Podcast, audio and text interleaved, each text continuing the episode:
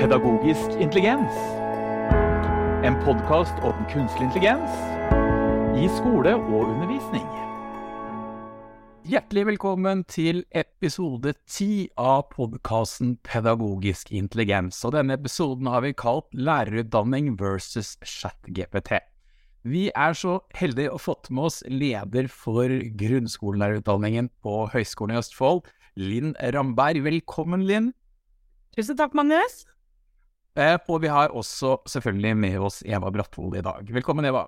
Hei. Linn er da leder for grunnskolelærerutdanningene våre på Høgskolen i Østfold, både 1 til 7 og 5 til 10. Du er en såkalt programleder for disse fagene. Eh, og jeg går ut fra, Linn, at det har vært litt diskusjon på møter og i ganger om chat-GPT når den kom som julekveldinga på kjerringa like før jul i fjor. Og det første jeg ønsker å spørre dem, hva skjer nå i lærerutdanningene når det nærmer seg eksamen og vi har fått et nytt hjelpemiddel? Ja, eh, du har helt rett i at det har vært mange diskusjoner, Magnus. Eh, daglig, senest i går kveld, var, hadde vi den siste diskusjonen. Og det er klart at det er nok betegnende på det som skjer akkurat nå. Det er massevis av diskusjoner, eh, i stort og smått. Og, men først og fremst har jo alle sammen fått beskjed om å gå hjem og teste ut dette her da, sjøl. Test alle eksamensoppgavene dine på ChatGPT og eh, se hva som skjer og øv deg litt og still den spørsmål og, og se sånn at alle får litt erfaring med det. Men man må på en måte teste det ut sjøl for, for, å kunne delta i den diskusjonen, syns jeg. Så det var på en måte den første leksa alle sammen fikk. Jeg ønsker alle god jul. Og så skrev jeg nå har det skjedd noe, dette må dere teste ut her eller leggen. Eh, og så det, tar det jo litt tid før så mange mennesker gjør det, men nå føler jeg at de fleste er på banen. Så det er jo Vi har jo et problem på en måte litt i høyere utdanning, og det er jo at vi legger så innmari stor vekt på sluttvurderingen. Eh, og det, det, er jo Vi har veldig mange arbeidskrav som bygger opp under sluttvurderinger, men det er klart det at eh, vi har jo også mange tradisjonelle eksamener, og vi har veldig mange varierte vurderingsformer. Men, men alle disse skriftlige, som vi da ble så godt kjent med under korona, disse skriftlige hjemmeeksamene, de, eh, de har vi jo blitt veldig glad i. Og det er klart at dette her utfordrer hvordan vi skal jobbe med digitale hjemmeeksamener. Det er ikke noe tvil om. Og jeg tenkte, Elin, når, når, du er inne på det, dette med digitale hjemmeeksamener f.eks., for eksempel, fordi nå ser jeg jo det at det er mye oppslag i mediene om dagen eh, som går både på at eh, man tenker at man må ha nye retningslinjer for hvordan man skal oppdage fusk, og at det er de digitale hjemmeeksamene som man ser som størst utfordring. Eh, og noen lærere slår et slag for at nå er det tilbake igjen til penn og papir og sitte under overvåkning i, i klasserommet eh, med eksamensvakter og det hele som skal følge deg rundt. Eh, mens andre sier at det, det handler mer om å, å, se mer på hva slags type oppgaver eh, som man gir. Så jeg tenker litt sånn nå, hva, hva tenker dere om, om vurderingsformene hos dere? Har dere på en måte eh, begynt å lande noe, eller begynne å se på noen endringer? Eh, altså sånn i grove trekk, hva tenker dere? Er det penn og papir og klasserommet, eller er det å, å begynne å se på oppgavene og se eh, om, om, det kan gjøre, gjøres noe annerledes? Eh, jeg vil si at vi jobber egentlig i tre dimensjoner, ja, for å kunne svare på det spørsmålet til Eva. fordi liksom, For det første så har vi noen eksamener som, som går denne uka her. Vi jobber ikke på kort sikt, eh, og da måtte vi gjøre noe veldig fort. Når man har en ukes hjemmeeksamen eh, denne uka, eh, så da måtte vi jobbe veldig kort sikt. Hva gjør vi da?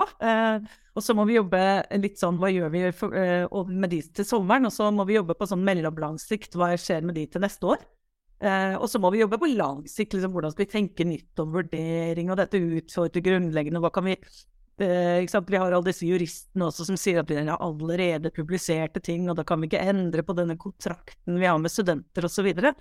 så jeg vil si at eh, for noen eksamener, som på kort sikt, så blir det litt sånn at eh, ja, vi, har, vi, gjør noe med oppgaveformuleringen. Kanskje hvis de skal skrive 3000 ord, kanskje 500 av de blir et refleksjonsnotat da, eh, på veldig kort eh, sikt, eh, fordi vi har et begrensa med handlingsrom på kort sikt.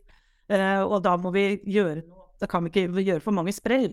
Eh, men da har vi også gjort noe med oppgaveformuleringen, og vi har bedt dem om å snakke litt mer om prosess og, å omtale seg selv og ment å reflektere litt rundt sin egen prosess. da, Om de, hva de valgte å ta med, hvordan, hva de valgte å utelate, hvordan de hadde tematikk eh, og litt sånne ting, og hvordan det var å skrive oppgave.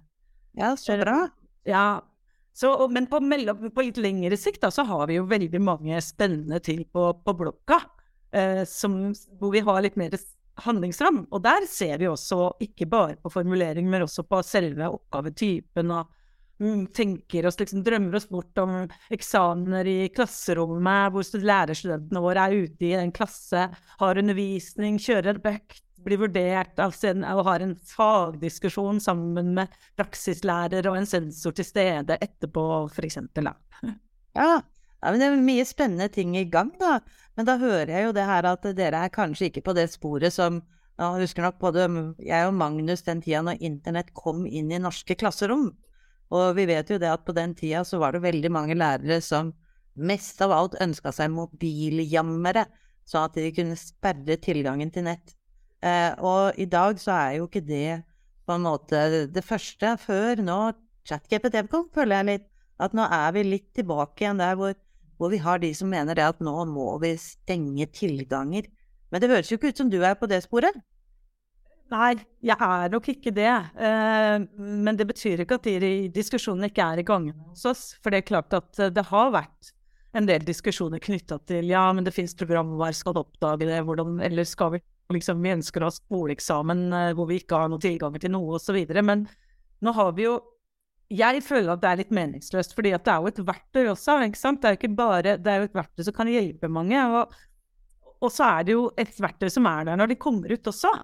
Eh, så, så, og dessuten så tenker jeg Jeg har jo prøver å følge med i diskusjonen sjøl også. Jeg tenker at dette her er jo Teknologien vil jo alltid ligge foran.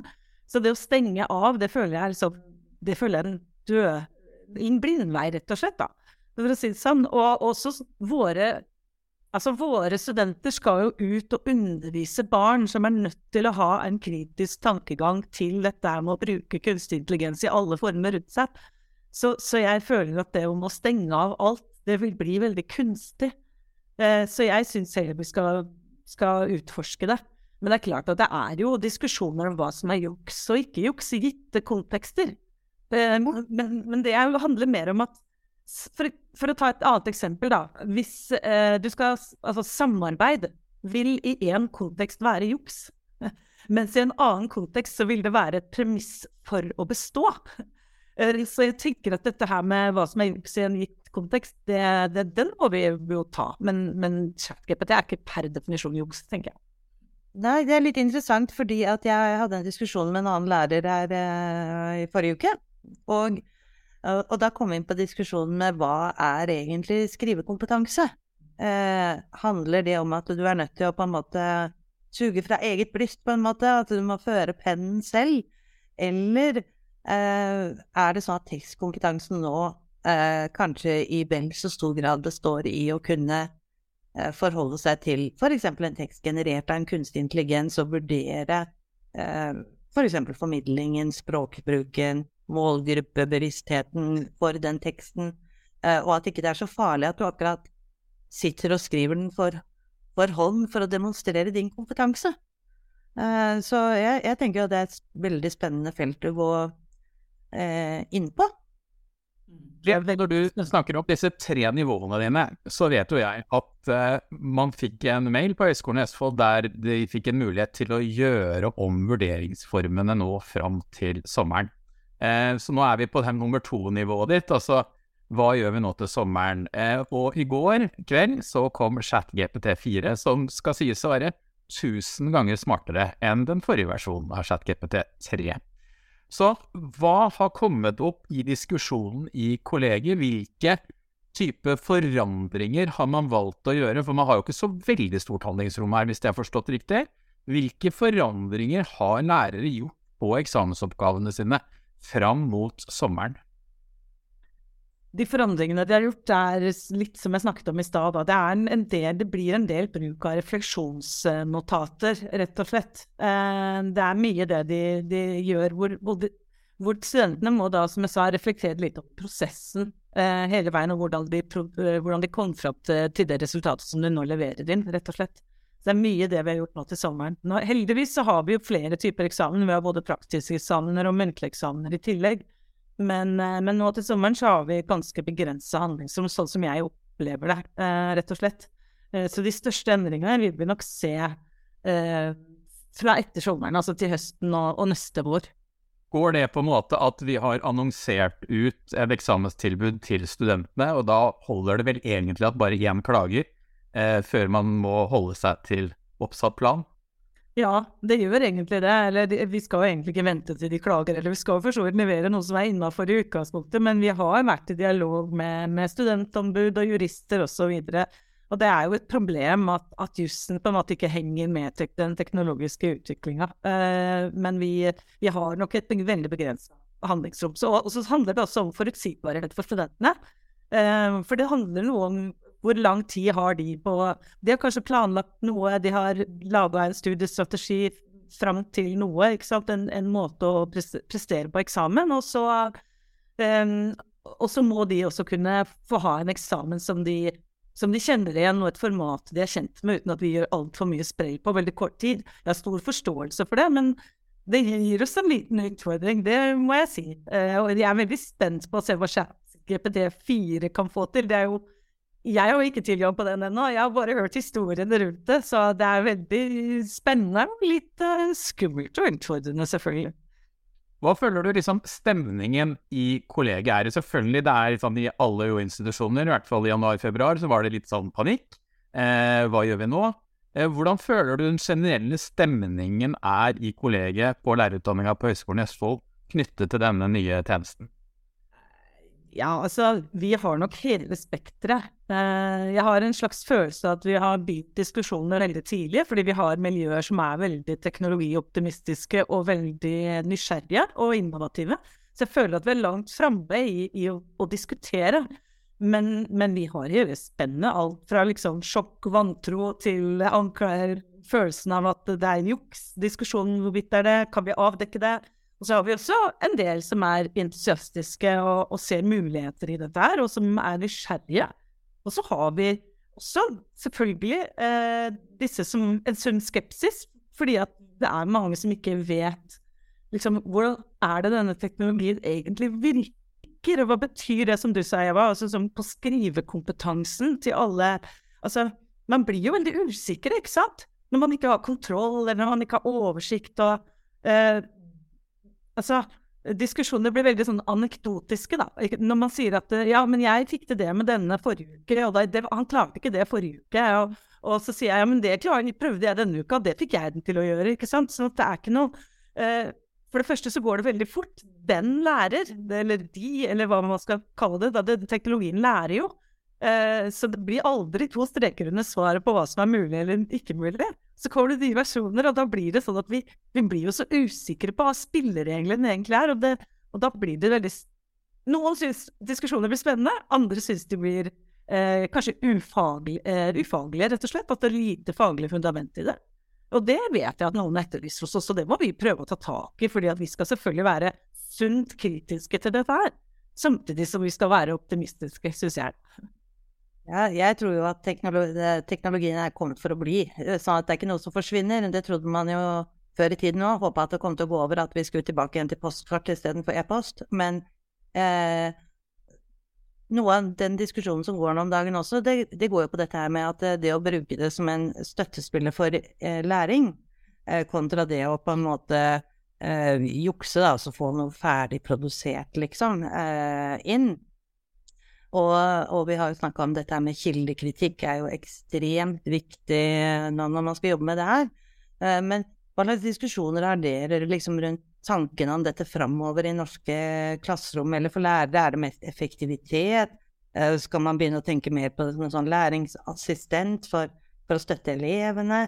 Skal man bruke det for å innhente kunnskap? Altså er lærebøkene på vei bort fordi at nå kan vi hente inn alt selv etter behov? Eh, har du noen ideer om, om hva du enten tror eller håper kommer?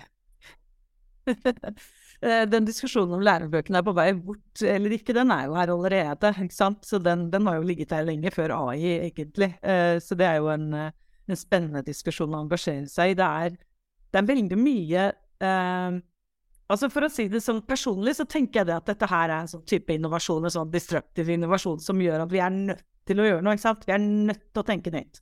Eh, alle lærere som driver med utdanning på et eller annet nivå, må gjøre noe nå, enten vi vil eller ikke. Vi er nødt til å tenke i hvert fall eh, gjennom hvorfor vi gjør som vi gjør, og om det holder i den nye konteksten. Og det tenker jeg det er ikke noe katastrofe, verken for læring for skolen eller for lærerutdanninga.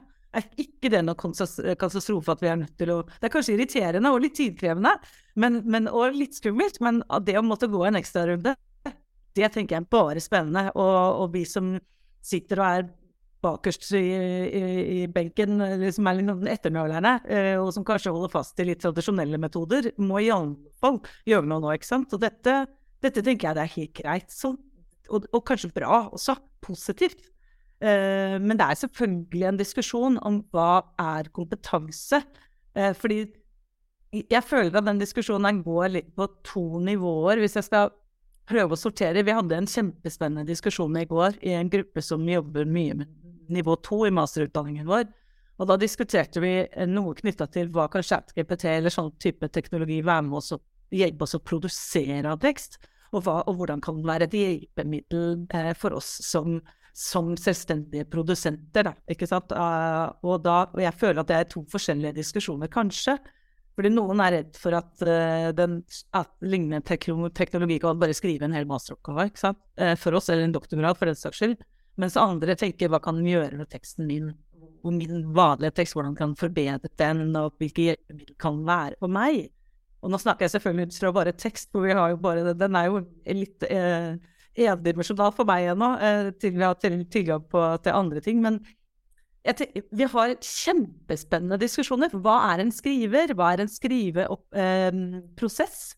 Eh, eh når skal man være kritisk? Vi hadde eh, i går eksempler på tekst man puttet inn og fikk ut igjen som var mye dårligere, og som ikke matcha den sjangeren vi skulle ha. Jeg holder jo på å skrive noe nå som skal inn til NOKUT. Eh, dette NOKUT, formelle NOKUT-språket, det syns jeg ikke den mest sånn særlig godt. Så kanskje var det min kompetanse på å spørre de riktige spørsmålene. Ellers hadde vi noen studenter som skulle skrive om noe eh, som, som, skulle være humoristisk, og det gikk ikke. Men det kan hende det går i fremtiden. ikke sant? Så det handler om at man hele tiden må vurdere eh, kritisk det man legger inn, og det man får ut igjen. Og det er jo en kompetanse, tenker jeg, som man må utvikle litt. Det er kjempespennende diskusjoner hvor jeg har liksom en kritiker som sitter her Uh, og sier at jeg kan aldri ta over, og det er bare babbel og, og papegøyespråk. Men så har vi andre her som er, ser kjempemange muligheter. Da tenker jeg at det er min oppgave som leder i lærerutdanninga å prøve å få fram begge de kreftene, kreftene da, og de diskusjonene, så at vi tør å teste ut det. Så vi kan ikke bare sette oss på bakbeina. Dette forsvinner ikke, som du sa. Dette må vi bare forholde oss til. Nei, det er jo litt gøy at du snakker om det med humor, fordi jeg har jo erfart det selv at jeg har jo prøvd å få ChatGPT til å skrive noen uh, vitser og litt humoristiske tekster, og, og, han måtte bare si det at dette var ikke morsomt, og hvor den da har sagt det. Beklager så mye, men uh, ja, jeg er bare en AI, sier han da. Og, uh, så han klarer ikke helt det. nå. som du sier, han er jo endimensjonal, det skal vi kanskje tenke på. Vi kan jo se for oss mange muligheter med flerdimensjonalt i framtida, og vi begynner å lage Eh, når du begynner å lage videoer selv, Magnus, uh, og setter oss kanskje litt på sidelinja i mange tilfeller.